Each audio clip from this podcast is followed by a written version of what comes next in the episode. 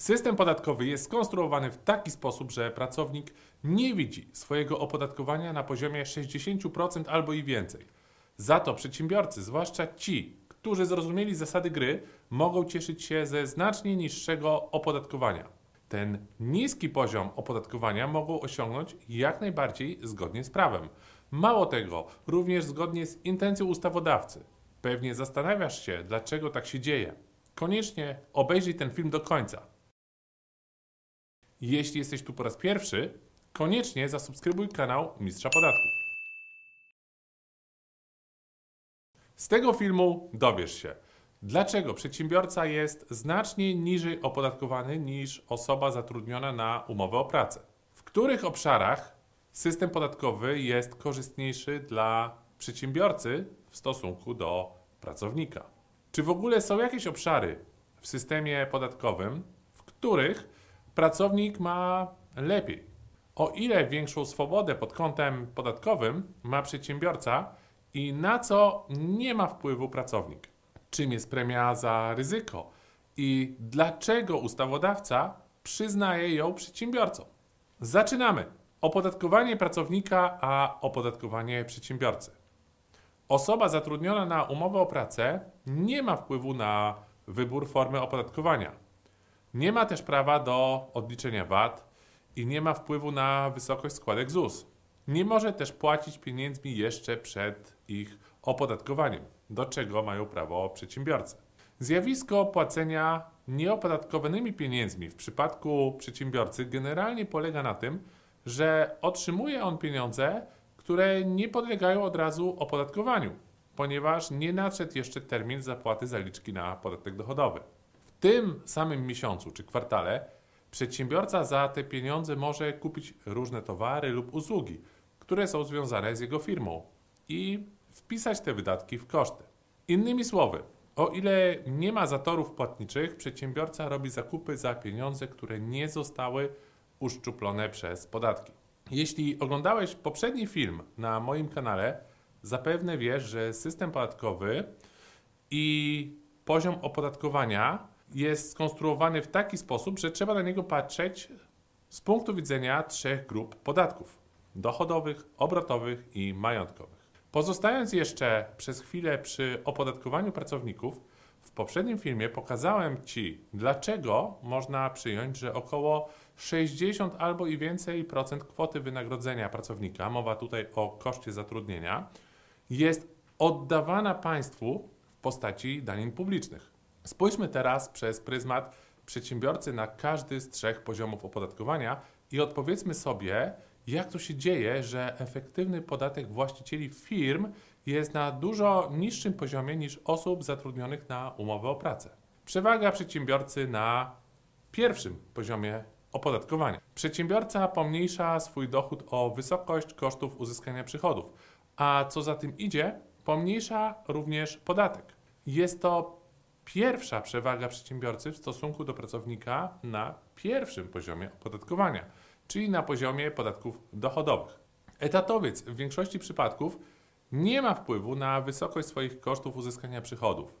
Ich niewielka wartość, pomijam 50% koszty twórców, jest określona w ustawie o PIT, co przekłada się na to, że pracownik płaci praktycznie podatek dochodowy od przychodu, a nie od dochodu. Pamiętajmy jednak, że czasami przedsiębiorca płaci podatek od przychodu. Sytuacja taka ma miejsce, kiedy właściciel firmy rozlicza się ryczałtem. Ryczałt jest wyliczany na podstawie przychodu, a nie dochodu. Dlatego w ramach tej formy opodatkowania koszty nie pomniejszą podstawy opodatkowania. Jednak wielu przedsiębiorców decyduje się na ryczałt, ponieważ stawki ryczałtu i wysokość składek ZUS są atrakcyjne dla tej formy. Warto jeszcze wspomnieć, że ryczałt nie podlega pod daninę solidarnościową. Jeśli jesteś przedsiębiorcą i chcesz dowiedzieć się, która forma opodatkowania, a nawet która forma działalności Ci się podatkowo najbardziej opłaca, pobierz za darmo nasz autorski kalkulator podatkowy. Link znajdziesz w opisie. Idąc dalej, oprócz możliwości w wielu przypadkach księgowania wydatków firmowych jako koszty, przedsiębiorca na pierwszym poziomie opodatkowania ma możliwość wyboru formy rozliczania się z fiskusem, do czego nie ma prawa pracownik, którego jedynym sposobem rozliczenia się z podatku dochodowego jest skala podatkowa.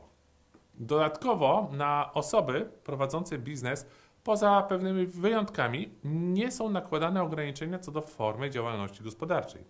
Tak więc oprócz możliwości wyboru formy opodatkowania, przedsiębiorca ma także możliwość prowadzenia firmy w ramach różnych spółek. Ponadto właściciel firmy może skorzystać z większego wachlarza ulg i preferencji. Jako przykład można podać chociażby ulgę na działalność badawczo-rozwojową i preferencję IP Box. I w końcu, ze względu na możliwość wyboru formy opodatkowania, jak i formy działalności gospodarczej, przedsiębiorca może w dużym stopniu decydować także o wysokości składek ZUS. Pracownik za to jest w pełni oskładkowany. Nawet można dojść do wniosku, że obciążają go te składki, które formalnie są nazywane składkami pracodawcy. Przy okazji napisz w komentarzu, co ty uważasz o podziale składek na część pracownika i część pracodawcy. Czy Twoim zdaniem ten podział ma sens, czy tylko zamazuje obraz, przez co trudniej połapać się w tym, jak bardzo społeczeństwo jest opodatkowane? Chętnie poznam Twoją opinię. Przewaga przedsiębiorcy na drugim poziomie opodatkowania. Przechodząc do drugiego poziomu opodatkowania, czyli opodatkowania podatkami obrotowymi, przedsiębiorca będący czynnym podatnikiem VAT zazwyczaj ma prawo odliczyć ten podatek od faktur zakupowych, do czego nie ma prawa etatowiec. Natomiast przedsiębiorcy, którzy nie mogą odliczyć VAT-u, chociażby dlatego, że są zwolnieni z tego podatku, zaksięgują jako koszty faktury zakupową w kwocie brutto. Oczywiście, o ile nie rozliczają się na przykład ryczałtem, bo w ryczałcie nie ma prawa do rozliczania kosztów. Zakładając, że przedsiębiorca rozlicza się na podstawie dochodu, nieodliczony VAT będzie obniżał jego podatek na pierwszym poziomie opodatkowania. A przy okazji mam do Ciebie pytanie. Czy ryczałtowiec może odliczać VAT? Pewnie, że może. Jeśli jest tak zwanym VAT-owcem i w danej sytuacji przysługuje mu prawo do odliczenia tego podatku. W ogóle nie ma znaczenia tutaj, że w podatku dochodowym ryczałtowiec nie może księgować kosztów. Tak więc zapamiętaj, ryczałtowiec nie odlicza kosztów, ale to nie znaczy, że nie może odliczyć VAT. Idąc dalej, akcyza uwzględniona w kosztach faktur za paliwo czy energię także stanowi de facto koszt uzyskania przychodów. Ponosząc ciężar PCC z tytułu nabycia różnych rzeczy, jeżeli są one związane z naszą działalnością gospodarczą, zapłatę tego podatku w licznych przypadkach również możemy uwzględnić w kosztach uzyskania przychodów. Przewaga przedsiębiorcy na trzecim poziomie opodatkowania. Przechodząc do trzeciego poziomu opodatkowania, czyli do poziomu podatków majątkowych. Jeżeli przedsiębiorca płaci podatek od nieruchomości będącej składnikiem majątku firmy lub płaci na przykład podatek od środków transportowych, to zapłata tych podatków również obniża jego dochód, czyli obniża podatek na pierwszym poziomie opodatkowania. Natomiast podatek od spadków i darowizn, tak jak podatek dochodowy, nie stanowi kosztów uzyskania przychodów. Podsumowanie trzech poziomów opodatkowania u przedsiębiorcy. Jak widzisz, wiele wydatków, w tym niektóre podatki, przedstawiciele biznesu mogą pokrywać jeszcze nieuszczuplonymi przez system podatkowy pieniędzmi i obniżać podatki i składki na pierwszym poziomie. Na dodatek odnośnie VAT-u, część przedsiębiorców może go w pełni odliczać co obniża wysokość podatków na drugim poziomie opodatkowania. Pamiętajmy, że przedsiębiorcą nie musi być jedynie osoba fizyczna. Jest nim również m.in. osoba prawna, np. spółka ZO. Jak widzisz, na trzech poziomach opodatkowania trudno znaleźć sytuację, w której system podatkowy promowałby umowę o pracę. Niewątpliwie jest on korzystniejszy dla przedsiębiorcy. Zauważonym przeze mnie obszarem, który jest korzystniejszy dla pracownika, to metoda kasowa. Mowa o tym, że zobowiązanie podatkowe powstaje pod warunkiem wypłaty pracownikowi wynagrodzenia. Natomiast w przypadku przedsiębiorców podatek jest do zapłaty od przychodu należnego. Oznacza to, że jeśli kontrahent ci nie zapłaci, to podatek i tak należy uiścić w urzędzie skarbowym. Co prawda, istnieje instytucja ulgi na złe długi, ale z niej przedsiębiorca może skorzystać dopiero po pewnym czasie. Napisz w komentarzu, czy według Ciebie są jeszcze jakieś obszary, w których system podatkowy jest korzystniejszy dla pracownika w stosunku do przedsiębiorcy. Przedsiębiorca ma dużo większą swobodę również pod kątem podatków i składek. To, że przedsiębiorca ma dużo większą swobodę działania w stosunku do pracownika, jest oczywiste. Jak widzisz, ta swoboda u przedsiębiorcy jest również dużo większa w stosunku do pracownika pod kątem podatków i składek. Przedsiębiorca ma wpływ na wybór formy opodatkowania i zamiast płacić podatek dochodowy według skali podatkowej, może wybrać podatek liniowy lub ryczałt. Pracownik może rozliczać się jedynie według skali podatkowej.